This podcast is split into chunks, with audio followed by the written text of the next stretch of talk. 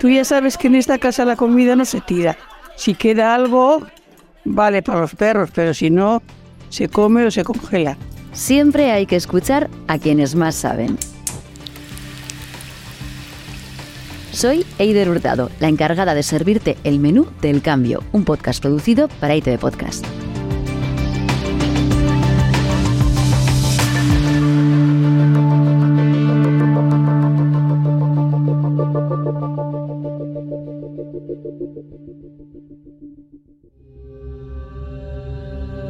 Mientras 700 millones de personas pasan hambre en el mundo, otras tiramos sin pensar demasiado kilos y kilos de comida.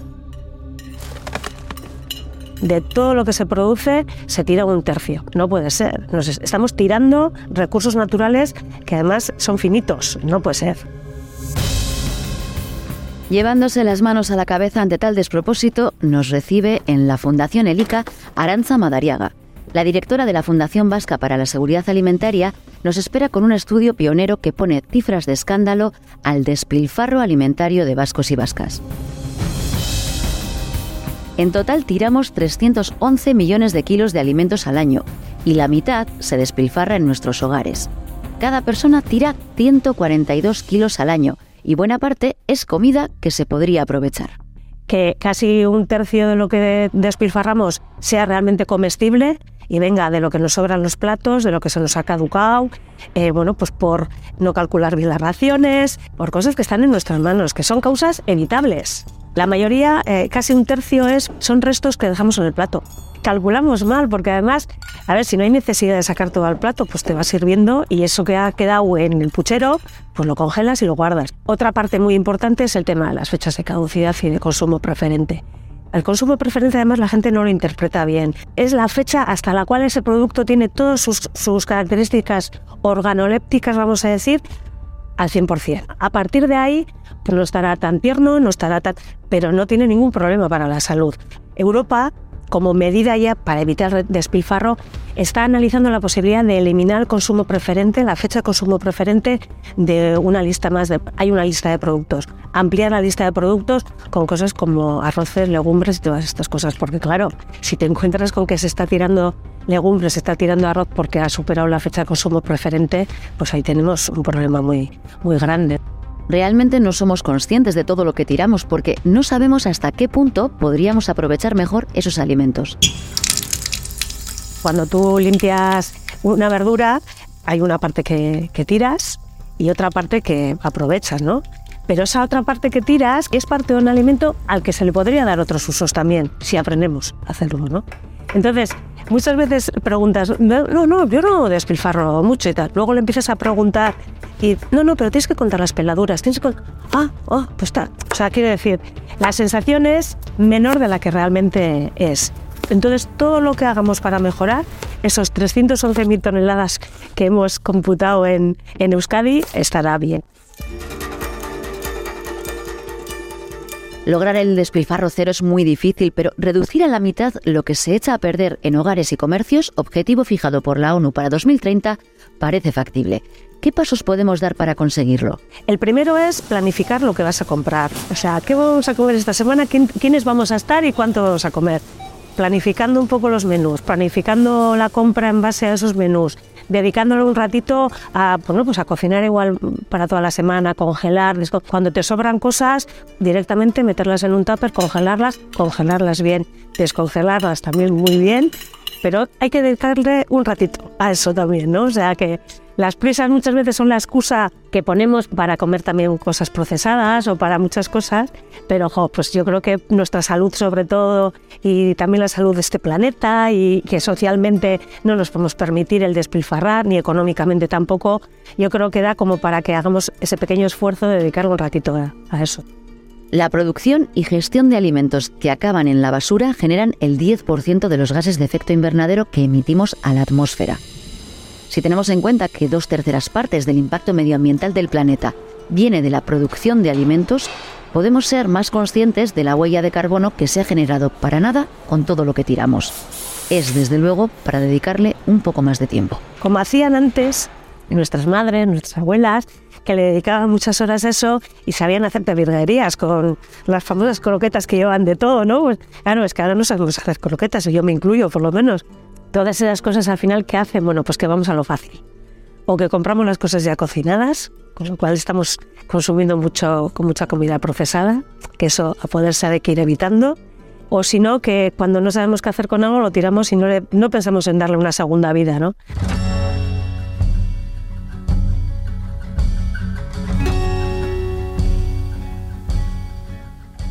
Ellas, las amas y amomas que en otros tiempos se encargaban de gestionar la comida de toda la familia, conservan la llave de una mejor alimentación.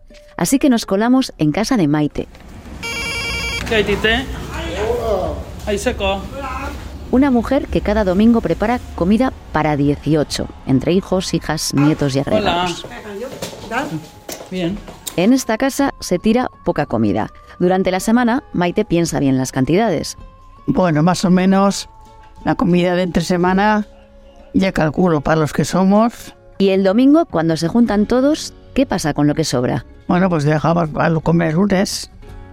Y si me queda algo, a veces lo congelo y otras veces, pues, no, algunas sobras de para los perros así.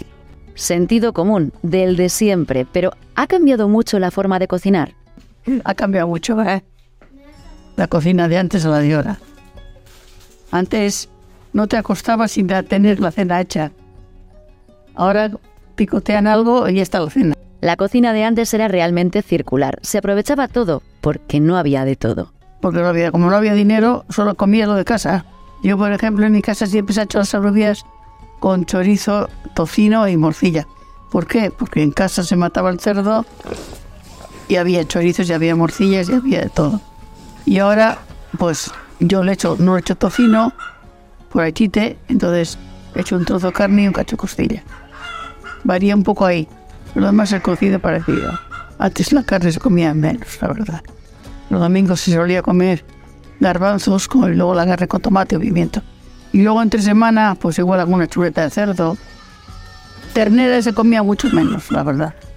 Igual matabas una gallina en casa, hacías el caldo, y luego la gallina ponías con tomate, te servía para comer. Ahora Maite vive en un piso donde no hay cerdos ni gallinas, pero la lógica sigue imperando a la hora de adquirir las materias primas. La fruta y las verduras compran de gomucio en la frutería, porque pagas un poco más, pero es mucha mejor fruta. Te dura más, porque a veces compras más interior, se pica todo. Entonces la fruta compra la frutería. Y la carne en la carnicería. No crees que es mucho más cara. Y sabes que te da. Si yo le pido un zacarro bueno, a mí me da un zacarro bueno.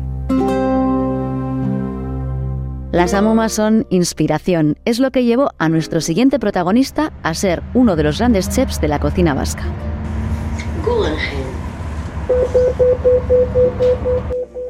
Paramos en Nerúa, el restaurante del Museo Guggenheim que comanda José Analija. Siempre estaba con, con la mamá en la cocina y ella pues decía una frase, dice, yo empeño mucho tiempo y empeño mucho cariño porque todos trabajan mucho y lo único que les puede cambiar el día es una buena comida, ¿no? Es algo que a mí se me quedó y cuando yo me preguntaron qué quería hacer, que quería ser cocinero, le dije a y, y bueno, y él me me hizo una pregunta muy clara, ¿por qué? Porque el cocinero es alguien que trabaja incondicionalmente para hacer felices a los demás. Siguiendo los pasos de Amama, José Analija dirige hoy una cocina de estrella Michelin, con un menú muy sostenible, basado en el producto de temporada. Pues mira, ahora mismo tenemos una propuesta en la que tenemos alcachofas, que son de temporada, tenemos borraja con quisquilla, tenemos bogavanta, tenemos espardeña, que se coge en profundidad, en ubina, ternera lechal de la zona de Carranza, y luego pues trabajamos mucho con verdura. Nosotros tenemos dos frentes abiertos, siempre lo que son las verduras y lo que es el mar, y una parte pues de, carne tenemos un postre de calabaza con helado de cerveza. Y esto es un poco el, menú de hoy, ¿no?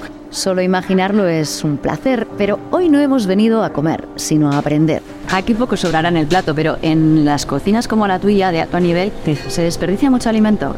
Yo creo que los cocineros estamos muy concienciados con el tema del, desperdicio y con el cuidado. Trabajamos materias primas, evidentemente, que son muy caras, porque en el fondo también hay un reconocimiento hacia las personas que lo producen, ¿no?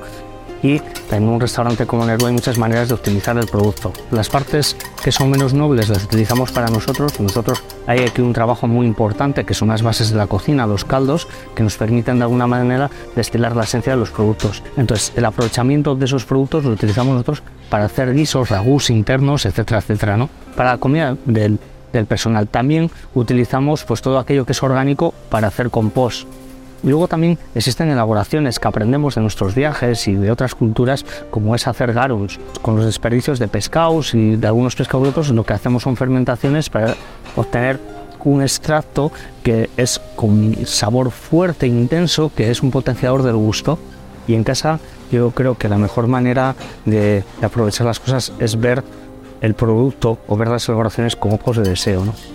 Pues imagínate, si te quedan unas verduras, pues le echas un, huevo, haces un, revuelto, lo picas un poco, haces un relleno para unos pimientos o un relleno para hacer una lasaña, ¿no? Se te quedan unas legumbres, pues lo trituras, tienes una crema, ¿no? Que te haces un pisto, al día siguiente no quieres pisto, pues te haces una tortilla tienes como una idea porque me han sobrado unos guisantes con jamón y mira me hace un revuelto.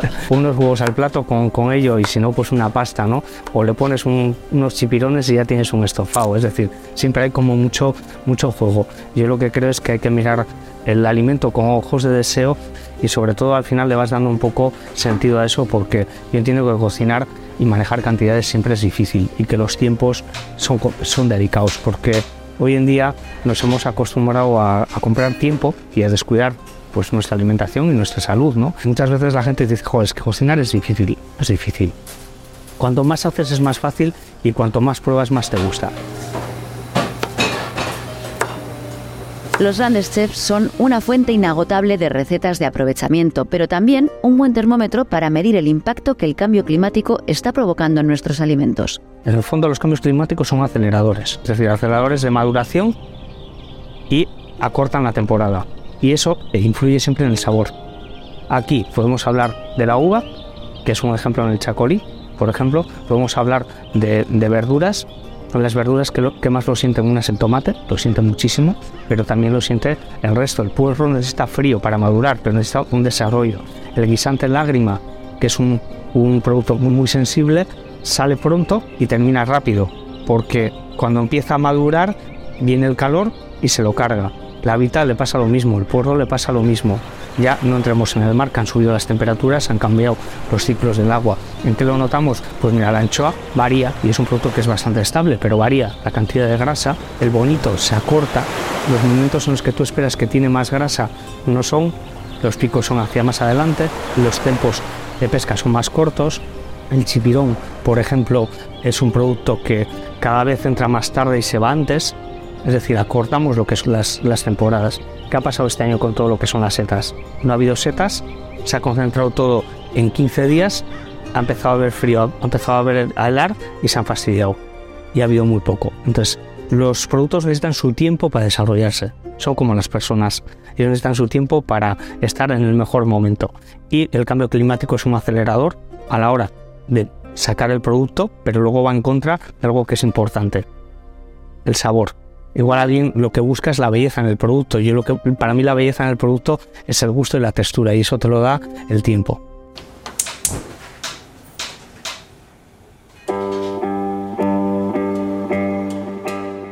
Dejamos a José Analija en la cocina de Nerúa para indagar en alguno de los productos que ha mencionado, el chacolí. Acompáñame entre viñedos para descubrir qué futuro le espera al vino vasco por excelencia. Nosotros seguiremos trabajando la viticultura en el País Vasco porque el chacolí es la bebida del País Vasco. Estoy convencido de que seguirá produciendo felicidad a los consumidores. Nos adentramos en Bodegas y Chasmendi con el mensaje de tranquilidad de su director técnico Garicoitz Ríos Urbaneta.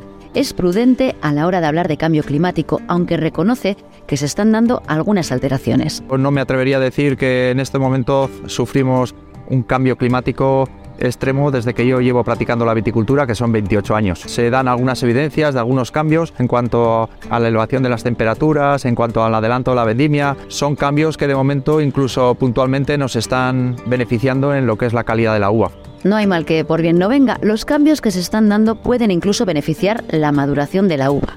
En estos momentos, la situación climatológica que vivimos en nuestro territorio nos permite obtener vinos con buenos parámetros de graduación y acidez.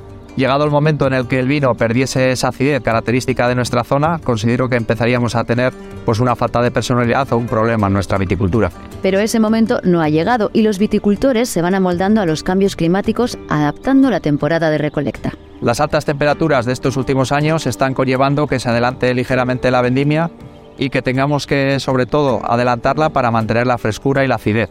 La graduación alcohólica de momento no, no sube porque adelantamos la vendimia para mantener esa característica tan importante que es la acidez de nuestros vinos. Confirma el adelanto de la vendimia otro profesional de larga experiencia, Andoni Ojanguren, productor de la bodega Erdicoeche. Yo empecé en el mundo del chacolí en el año 1982 y entonces normalmente cuando se vendimiaba eran a mediados de octubre.